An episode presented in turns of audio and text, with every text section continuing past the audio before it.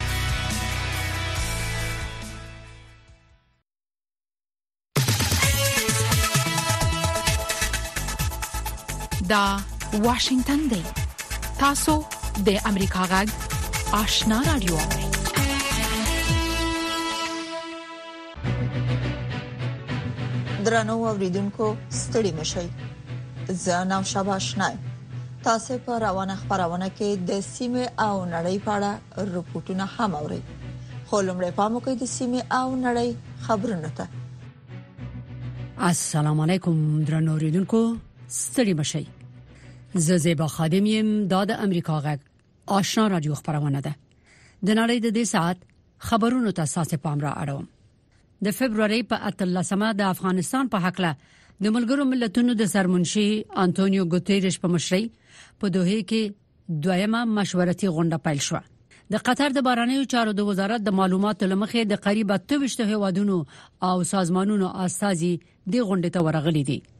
که څه هم په دې غونډه کې طالبانو ته د ګډون بلنه ورکړ شوې و خو د طالبانو د بارنیو چارو وزارت د فبرवरी په 18مه اعلامیه خبره کړه او وی ویل چې د دوه په غونډه کې د دوی ګډون ګټور ونه بلل شو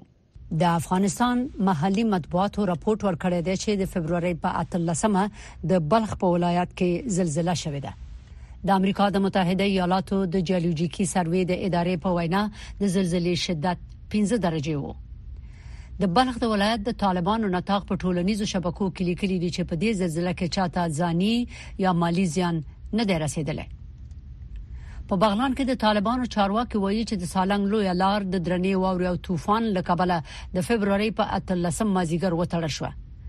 ملي رادیو ټلویزیون چې د طالبانو په کنټرول کې دی د بغلان لپاره د طالبانو د امنیه د قومندانۍ په وینا راپورټ ورکړی دی چې د موټر چلوونکو او مسافرو نه غوښتي دي چې تر بلې خبرتیا پورې دی په دغه لار د تاګرا تاګ نه ډډه وکړي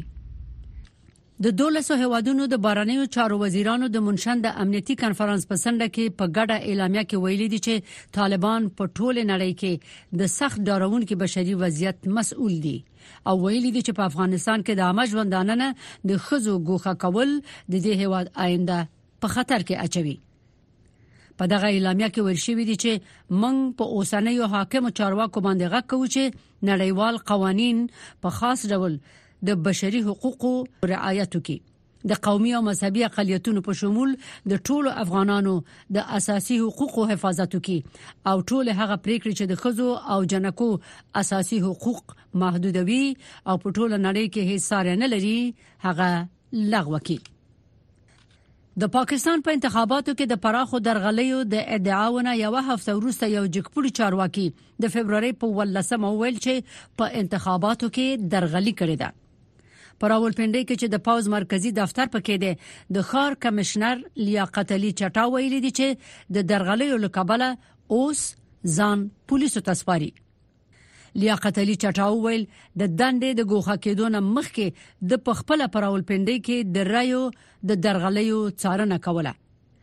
خاغلی چټا خبريالانو ته ویل چې موږ بایلون کې کاندیدان ګټون کې اعلان کړل د سیمه او نړۍ خبرونه د امریکا غږ د آشنا رادیو د واشنگټن د سټډیو نه اوري په ملګرو ملتونو کې د متحده ایالاتو سفیره لیندا توماس ګریفن وایي متحده ایالات به په غزه کې د سمدستي اوربند په حق له د الجزایر هغه پلان ویټو کې چې احتمال لري په دې هفته کې د ملګرو ملتونو د امنیت شورا ته وړاندې شي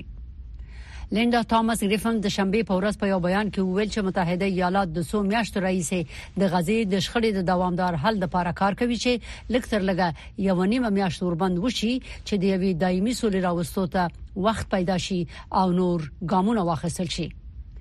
هغه ویل هغه پلان چې متحده ایالات د اسرایل، مصر او نور په مرسته ور باندې کار کوي د خپل کورنۍ سره د ټولو یرغمل شوو کسانو د یو ځای کېدو لپاره تر ټولو غوره فرصت دی او په جګړه کې وګړه وقفه راځي په نتیجه کې به فلسطینی ملکی وګړو ته خوراکي مواد او به تیل دارو درمل او نور ضروري شیان ورسیږي. او د بشري حقوقو یوې معتبر منبع د فبروري په 18مه ویلي دي چې روسي هغه 300 کسان نیولي دي چې د ولادیمیر پوتین د مخالف سیاستمدار الکسي نووالني د یادونې په مراسمو کې برخه اخیستې و د الکسي نووالني د ناببره مرګ خبر ډیر روسانو ته ټکان ورکونکي وو نووالني د ژوند تر پای پورې په کرملین باندې د انتقاد نه لاس پسر نشو هغه یو ځل په زهر مسموم او بیوخه هم شو خو د مخالفت نه لاس وانه خست د نووالني ډلې د شنبه په ورځ ویل دي هغه وژل شوې ده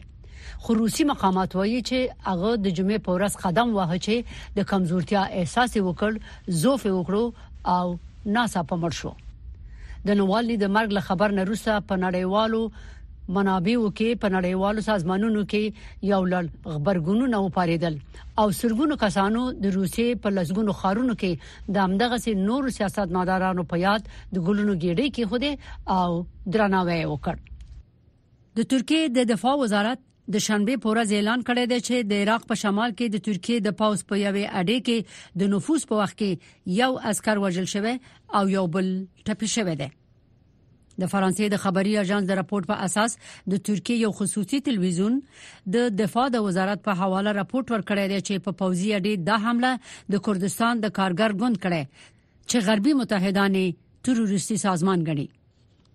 د ترکیه چارواکو ویلي دي چې تر دې پیښې وروسته په سیمه کې د دوی ځوابي پوځي عملیات ادامه لري او د ایتالیا د بارانیو چارو وزیر ویلي دی چې د جګړې د ختمېدو نه وروسته به اوکرين د اروپאי ټولنې او د ناتو غړی شي انټونیو تاجانی د فبرवरी په 18مه په جرمني کې د میونخ په امنیتي کانفرنس کې وویل اروپאי ټولنه هڅه کوي چې اوکرين یو غړی وي خو اوس دا کار ځکه ناممکن دی چې اوکرين د روسیې سره په جګړه بوخت دی په اوکراین د روسي غیر موجه يرغل د 2022م کال د فبرवरी په 23مه پیل شوه دی او تر اوسه ادامه لري زیبا خادم امریکا غږ واشنگټن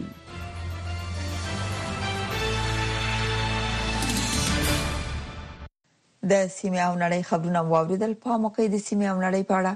رپورټونه ته. د یکشنبې په ورځ د قطر په پایتخت دوحه کې د افغانستان د وضعیت د ارزولو په تړاو د ملګرو ملتونو د عمومي منشي انټونیو ګوتيريش په کوربتوب دومه مشورتي غونډه د طالبانو د استازو د ګډون پرته پیل شوه د سیاسي چارو ځنې کارپوهان په دې غونډه کې د طالبانو د استادو نه ګډون د افغانستان په ګټه نه غني او فکر کوي دا کار به د نورو عواملو ترڅنګ دغه هواته د مرستې رسونې په چارو هم اغیز وکړي پاموکي رپورت ده د یکشنبه په ورځ د قطر په پایتخت دوحه کې افغانستان لپاره د شاوخوا 15 هیوادو او نړیوالو سازمانونو د ځانګړو استادو په پیل شوې غونډه کې په دغه هیواد کې د روان وضعیت په تړاو خبرې او بحثونه کیږي د غونډې ته د افغان مرمنو او مدني ټولنې یو شمېر افغان استادي هم بلل شوې دي د طالبان حکومت ته هم په دې غونډه کې د ګډون بلنه ورکړل شوې و خو دغه حکومت د بهرنی چارو وزارت د شنبه په ورځ په یو اعلامیه کې ویل چې په دې غونډه کې ګډون نه کوي د طالبانو د بهرنی چارو وزارت مرستيال وایند ضیا احمد تکل رسنیو ته په وسولي غږیز پیغام کې ویلي چې د دوی د حکومت استاد یوازې په هغه صورت کې په دې غونډه کې ګډون کوي چې په دغه غونډه کې د طالبانو د حکومت استاد د افغانستان د یوازینی رسمي استاد په توګه ومنل شي د بهرنی چارو وزارت ملګرو ملتونو توضیح کړې ده چې اسلامي امارت د یوازینی مسول لوري په توګه د افغانستان په استاد توب ګډون کوي او د دوحې ناسته کې د افغان پلاوي او د ملګرو ملتونو ترمنځ په لوړه کچه پر ټولو مسایلو د واضحو خبرو زمینه برابره شي نو ګډون به ګټور وي خو په دې برخه کې د نه پرمختګ له امله د امارت لخوا بې نتیجې ګډون ګټور ونه بلل شو. د ملګرو ملتونو د عمومي موشي ویاند سټیفن دوجاریک د جمعې په ورځ خبریالانو ته د دې غونډې په اړه ویل چې طالبانو سره د کتنې سربېره به د مدني ټولنو غړي او د افغان میرمنو استادو سره هم کتنې وشي ځکه چې داغه په وینا دا مهمه ده چې د افغان میرمنو غږ په ښکارا او لوړه توګه واوریدل شي د سیاسي چارو یو کارپو احمد سیدی وایي چې ملګرو ملتونو په دې غونډه کې د ګډون لپاره د طالبانو د حکومت غوښتنې ونه منلې نو ځکه طالبانو په کې ګډون ونه کړ خاغلی سیدی وایي چې د طالبانو حکومت د پلاوي نه ګډون به افغانستان سره د نړیوال ټولنې په بشري مرستو اغیز وکړي اشتراک میکردن به خاطر کمک های جامعه جهانی بهتر بود حال یک بنبست دیگه ایجاد میشه که متاسفانه ضررش مردم افغانستان می د سیاسي چارو یو بل کارپوه طارق فرهادي وایي چې ځینې لویدیځو هیوادو دې غونډې ته په ټیټه کچه پلاوي استولي خو د امریکا، روسیې، چین او د سیمې او ګاونډیو هیوادو استازي چې له وړاندې طالبان سره په تماس کې دي په دې غونډه کې حضور لري. طارق فرهادي وایي چې د دې غونډې سره د طالبانو ستونزه د ځانګړي استازي د ټاکلو د مسلې په اړه ده.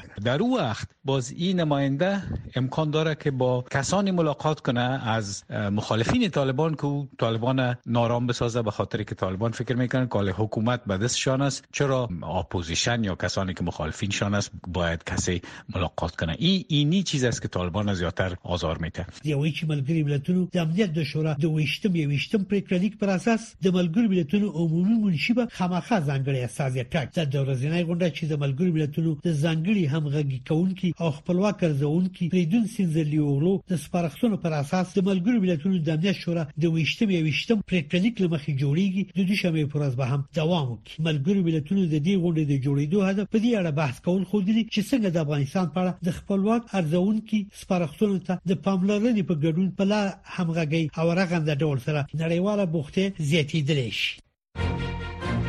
انتظار پای ته ورسید ترنو لیدونکو او اوریدونکو تاسو کولی شئ د امریکا غا ټلویزیونی او رادیوي خبرونه د یاسات ساتلایت له طریقو وګورئ او واورئ د نوي ساتلایت لارې تاسو د آشنا اتصال او کاروان ټلویزیونی خبرونه کتلای هم شئ د امریکا غږ د افغانستان څنګه خبرونه په 308 پټ چنل او د آشنا رادیوي خبرونه په 308 پټ چنل کې اوریدلای شئ لملتيامو د تل پشان مننه تاسو زموږ غږ د واشنگټن د سټډیو نه اورئ په دوحه کې د ملګرو ملتونو د دوهمې مشورتي غونډې په څنډه کې د شنبه په ورځ د کاناډا په تورنټو ښار کې یو شمیر افغانانو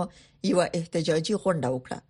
او له ملګرو ملتونو او د نړۍ له هیوادونو یو غوښتل چې له طالبانو سره د خبرو نه ډډه وکړي دوی ویلي چې له طالبانو سره د اړیکو لرل د بشري حقوقو او د خزو د ازادۍ او د افغانستان د خلکو د ارزښتونو له پامه غورځول دي په دې اړه پام وکړئ د احمد فرشاد صالح د رپورت پښتو ژباړه ده دلته د تورنتو په ښار کې د ژمي په سړه هوا کې په دغه ځای کې میشتو یو شمېر افغانانو په وغونډه کې د خپل هیواد له اوسنی وضعیت څخه د بې تفاوت نه پاتې کېدلو په خاطر لاریون وکړ او ویې ویل چې د خپلمنځي تعامل په اړه اندېښمن دي. لاریون کوونکو له نفوذ لرونکو هیوادونو په ځانګړي توګه د امریکا له متحده ایالاتو څخه وغوښتل چې په افغانستان کې د طالبانو سره د معاملې پر ځای دغه ډله په بشپړه توګه منزوي کړي موضوع ما اینه که به هیچ وجه طالبان نباید امتیاز بگیره طالبان نباید از اینکه مردم گروگان گرفته سی میلیون یا بیشتر سی میلیون جمعیت افغانستان گروگان گرفته نباید امتیاز داده شود نباید پذیرفته شود په دې مظاهره کې د خځو د حقوقو د فعال مونسه مبارز په شمول یو شمېر خځو او جنو د ملي ډیالوګ د جوړولو غوښتنه وکړه هر نوع تعامل با طالب اشتباه است جهان نباید در کنار یک گروه تروریستی باشه و طرف جهان نباید یک گروه تروریستی باشه جهان باید با مردم افغانستان باشه جهان باید با زنای افغانستان باشه. خو یو شمېر نورو لاریون کوونکو بیا وویل چې له طالبانو سره ښکېلتیا به په نړۍ کې د افراطیت بنسټونه لا پیاوړي کړي با تروریست ها نباید تعامل شود تا سابقه ایجاد نشه برای برای گروه های دیگر تروریستی تا هیچ گروهی خیال نکنه که با زور صلاح میتونه یک کشور را به زانو در بیاره و جهان مجبور, مجبور خواهد بود با این گروه تعامل کنه دغه اعتراض کوونکو په خپل وروستي اعلامیه کې د ملګرو ملتونو له سرمنشي څخه وغوښتل چې د دغه هیواد په دولتي جوړښت او ملت جوړونه کې د ټولو قومونو ته د ګډون حق ورکړي. په بیان کې راغلي چې د بین الافغاني ډیالوګ او خبرو پر ځای د بین الاقوامي خبرو ته په خپله اجندا کې ځای ورکړل شي. غورځنګ د امریکا غږ واشنگتن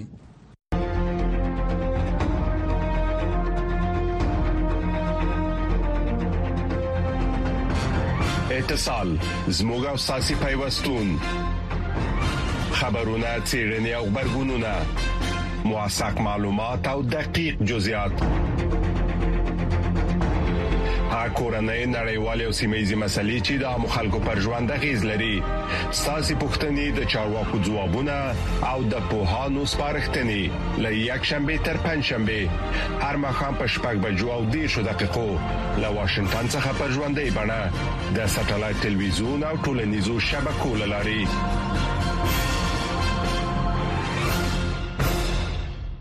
رپورټونه ته د واشنگټن د سټډیونه ادامه ورکو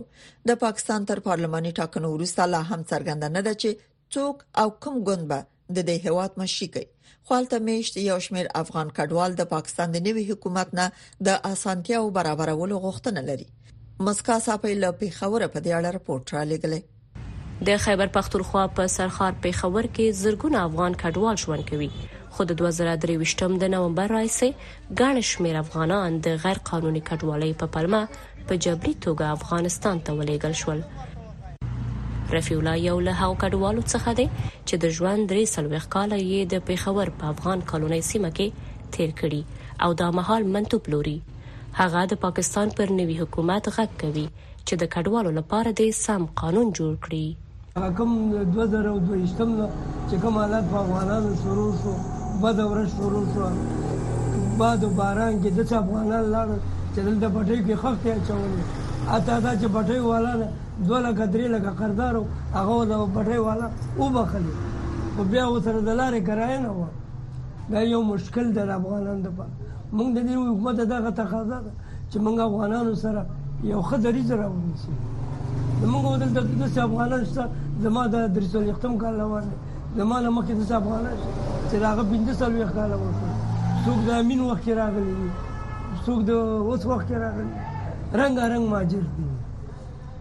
نو افغانان لپاره دلته استوګنې لپاره یو ښه زمینه برابره کړي یو ښه قانونو ته برابر کړي چې آینده ونه ځړول شي ځینې کډوال د ویزو په برخه کې د اسانتیاو برابرولو تمه لري او ځینې کډوال بیا له نوي حکومت څخه د اوسېدو د کارتونو د مودې زیاتولو غوښتنه کوي. ما خواهش از می داریم که حکومت نو که آمده باید ما چیز کنیم او درخواست ما اینمیست که رفت و آمد ما آسان شوه ویزا و پاسپورت ما آسان شوه او مشکلات ما اینمیست که ما رفت آمد که نمیتونیم که نه یک یک گارسی میشه یک کدام مرده میشه یک کدام چیزی مشکلات پیش میشه ما رفته آمده که نمیتونیم نه من موږ دا غواړو چې موږ ته اسانتیا برابرې کړي کارټونو کې راته وخت زیات کړي خو د شرنکو په نظر خای نوې حکومت به هم وسنۍ پالیسی تعقیب کړي زما په خیال باندې هیڅ بدلون نشي راتلی تر هغه پورې چې تر کومه پورې هغه مقتدره قوتونو دا فیصله نه وي کړې چې موږ به څه کوو که وړاندې څه شوي دي هم د هغې په سلا شوي دي که وروسته څه کېږي هم د هغې په سلا باندې به کېږي البته موږ چې په میډیا کې کوم څیزونه ګورو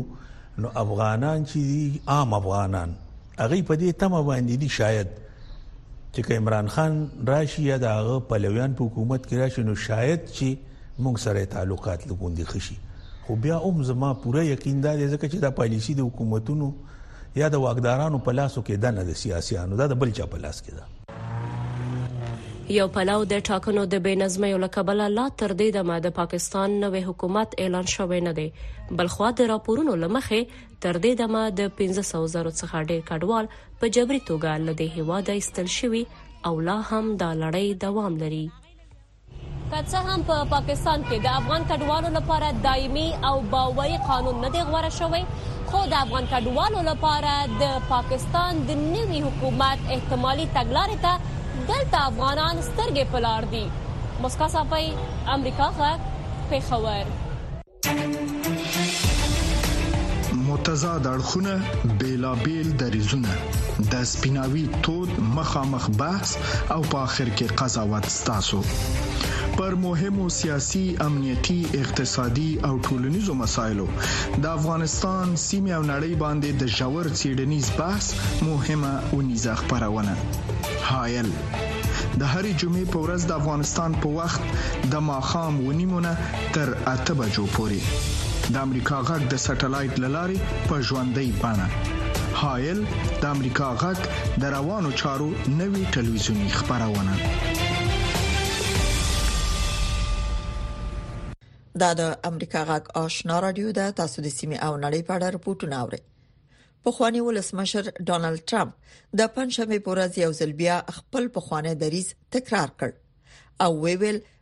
که بیا ولسمشر شي د ناتو د هغو غړو دفاع به ونی کی چې د ناتو د دفاعي مصارف هدف نه پوره کوي دا د دې ښکارندوی کوي چې دوه جمهور رئیسان او د هغوی ملاتړي څنګه په نړۍ کې د امریکا د رول په اړه متفاوت دریزونه لري پاموکي رپورت ده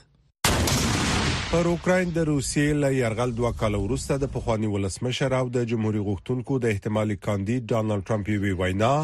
د ناتو متحدینو ته ټکان ورکړ د یو لوی هیواد یو ولسمشر راته ودرید او وی ویل خغلیا کوم پیسې ورنکړو او روسیه پر موږ برید وکړي آیا زموږ حفاظت کوي ما ویل تاسو پیسې نه دی ورکړي تاسو متخلف یاست هغه ویل که داسې وشول ما ویل نه زه به تاسو ونه ساتم زه به هغه وهڅوم هر کار چې کوي و دې کړی تصور کولای شئ چې د متحده ایالاتو یو پخوانی ولسمشر داسې وایي ولسمشر بایدن چې د دښمنانو پر ضد د ائتلافونو پیاوړي کول د بهرنۍ پالیسۍ په زړه کې ځای لري د ټرمپ پر هغه برخورد چې محاسبه پکې ده انتقاد کړی دی. زموږ په تاریخ کې بل هیڅ ولسمشر یوه روسي دیکتاتور ته د تعظیم سر نه دی ښکته کړی. اجازه راکړئ تاسې ته دا په ښکاره ووایم، زه په هیڅ وخت دا کار ونه کړم. د خدای په خاطر دا د شرم وړ ده. دا خطرناک ده. دا د امریکا د اصولو خلاف کار دی. بایډن وايي، دی د ناټو د پنځمې مادې ملاتړ کوي چې د بهرني برید پر مهال غړي هېوادونه د یو بل سره په مرسته مکلف کوي. دا د ټرمپ سره مستقیم تقابل دی، کوم چې نوموړی بیا په خپل شعار کې چې امریکا لومړیتوب لري ټینګار کوي. د ټرمپ دې څرګندونو د متحدینو ترمنځ اندېښنه رامنځته کړې ده. توقع لرم چې سږکال اتلس متحدین د خپلو کورنیو ناخالصو داخلي تولیداتو دوه سلنه پر دفاع ولګوي. دا یو بل ریکارډ رقم دی چې د دوه زره او څوارلس کال راهیسې شپږ ګامه لوړوالی ښيي، کوم چې هغه وخت یوازې دریو متحدینو هدف پوره کاوه. د ټرمپ د کمپاین یوه جګپوړي سلاکار جیسن میلر امریکا غږ ته په یوه بیان کې ویلي چې ټرمپ وکولای شول پر متحدینو د ناتو مصارف لوړ کړي بهرنی سیاست په دودیز ډول د امریکا په ټاکنو کې کلیدي موضوع نه ده او په داسې حال کې چې ټرمپ پر ناتو فشار اچوي په نړۍ کې به د امریکا رول د رای ورکونکو ترمنځ یو بل ستر اختلافي موضوع وي دا ډیره سیاسي شوې ده دا د ټرمپ لخوا کارول کیږي څو خپل ملاتړ ډیر کړي خو د امریکایانو ترمنځ اساسي درک شته چې اتحاد خپل مهم دی په نړیوالو چارو کې د شیکاګو شورا د اکتوبر میاشتې د یوې نظر پوښتنې لمخې د اتیا سلنه دیموکراتانو او درې شپېته سلنه خپلواکو رای ورکونکو په نسبت یوازې 50 سلنه جمهوریت غوښتونکي باور لري چې امریکا د اتلانتیک د دوړو غاړو له تړونونو ګټه پورته کوي سمي الله جلالزای د امریکا غږ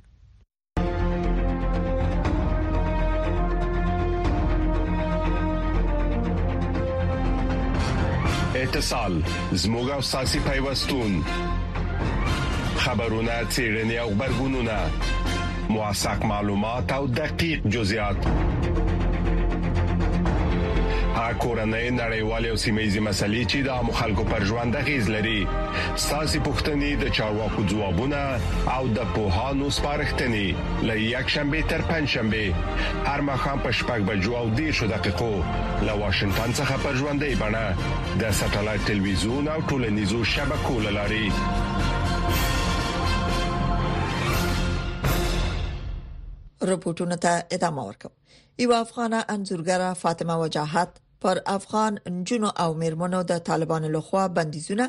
او د خپل هیواد ناخواله امریکایانو او نړیوالو ته د انزورګری د نوو طرحو او پیغامونو لاره بیانې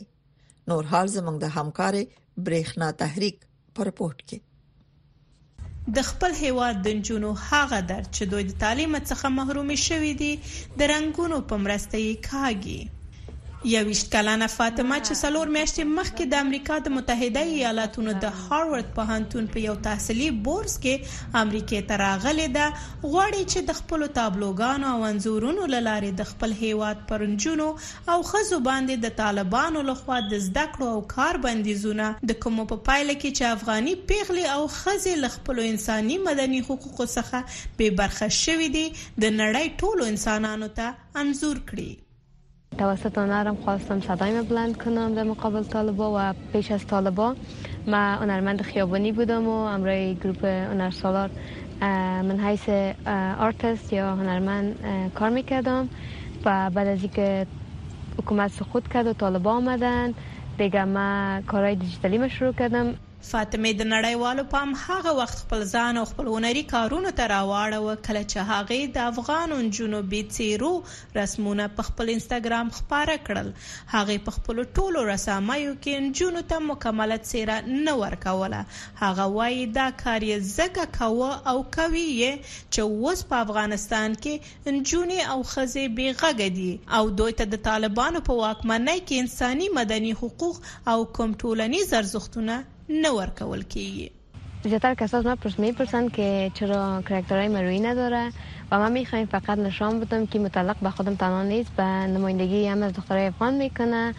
و چون دخترای افغان بی صدا هستند خواستم یک صدا به دخترای افغان باشم حداقل صدایشان را به تصویر بکشم.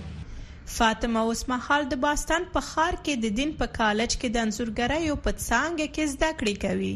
هغې په دې لنډ وخت کې وکولای شول چې د خپلو رسمونو یو نندارتون جوړ کړي. فاطمه د امریکې متحده ایالتونو په مختلفو تاریخي پارکونو کې په تختو او دیوالونو د طالبانو له خوا پر افغاني نجونو د زده کړو بندیزونه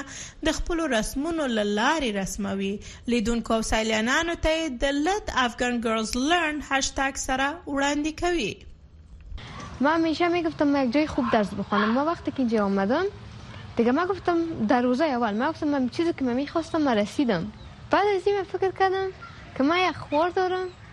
و دختر کاکا دارم و شاید مثل خوارم هزاران دختر دیگه از افغانستان که نمیتونن تا مکتب برن دیگه ما گفتم نه ما هنوزم به هدف خود نرسیدیم ما چطور میتونم مثلا ما یک جای بیایم درس بخوانم خوش باشم با وجودی که هزاران دختر در افغانستان تنها رویایشان رفتن به مکتب است فاطمه خپلې مبارزې ته دوام ورکوي. هغه غواړي د خپلو رسمونو له لارې څخه د افغانو ښځو وضعیت په افغانستان کې نړیوالو ته بیان کړي. برېښنا تحریک د امریکا غږ کالیفورنیا لوس انجلس درنو اوریدونکو دا د اوس په یو سرمقاله ووري چې د امریکا د حکومت نظر څرګندوي متحده ایالات د هند او آرام سمندر یو پتمن ملت دی له خپل انډیوالانو او شریکانو سره یو ځای په راتلونکي کې د یو داسې هند او آرام سمندر ارزو لري چې ازاد، خلاص، یو له بله سره وصل، هوسا او سوکاله به وي. له کوم وخت نه چې د بایډن هریس ادارې دوه کاله وړاندې د هند او ارام سمندر کړنلاره اعلان کړه، د دغه ویژن یا لرلید د مخ پر وړاندې بیولو په لورې فوق العاده پرمختګ شوی دی. د ستراتیژیکي اړیکو لپاره د متحده ایالاتو د ملي امنیت د شورا منتظم جان کربي ویل چې مونږ اکاس پرانیست او هغه پروسه استرالیا د اټومي اوبتل په طاقت سمبالولو له مهالویش سره سمه مخ پر وړاندې روانه ده کربي زیاته کړه مونږ قاد یعنی د هند او آرام سمندر د سیمې هوادونو د همکاریو سازمان ته ارتقا ورکړه موږ له ویتنام سره، له اندونیزیا سره او د اسیان د سازمان له غړو هېوادونو سره خپلې اړیکې غښتلې کړې. کربي وویل چې جمهور رئیس بایډن په کیمپ ډیویډ کې د جاپان او جنوبي کوریا د مشرانو کوربه و. واقعاً نه یوازې دا چې له هر یوه انډیوال هېواد سره زموږ د دوه اړخیزو اړیکو د پراخولو په برخه کې فوق العاده پرمختګونه وشو، بهترو فرصتونو د بل هر وخت په پرتله د درې اړخیزې همکارۍ د پراخولو لپاره هم یوه ښه موقع برابره کړه. متحده ایالات په اقتصادي ډګر کې پانګونو ته لومړیتوب ورکوي، ترڅو نوښتونه او په اقتصادي ډګر کې سیالي وهڅول شي، اکمالاتي زنځیرونه پیاوړي شي او د هند او آرام سمندر د سیمې د ټولو هېوادونو لپاره اقتصادي فرصتونه مساعد شي. نوموړي زیاته کړه چې متحده ایالات په دفاعي برخه کې هم د همکارۍ ژورولو او د استعدادونو د پیاوړي کولو په غرض پانګونو او په سیمه کې د امنیت د ټینګولو او خپل منځني فعالیت د قابلیت او توان د غښتلي کولو په خاطر د خپلو ملګرو او شریکانو ملاتړ ته دوام ورکوي. متحده ایالات په دې برخه کې په عملي توګه خپله مشري ثابتوي او د هند او ارام سمندر سیمې ته په دې هیله پر خپلو ژمنو ولاړ دي چې یوه زیاته ازاده، سوکاله او مقاومه راتلونکې یوازې هغه مهال رامنځته کېدای شي چې ملتونه په ګډه سره کار وکړي. درنو اوریدونکو خبرونه په همدې ځای پای ته ورسیده مننه چې د امریکا غږ آشنا رادیو خبرونه اوري تر بیا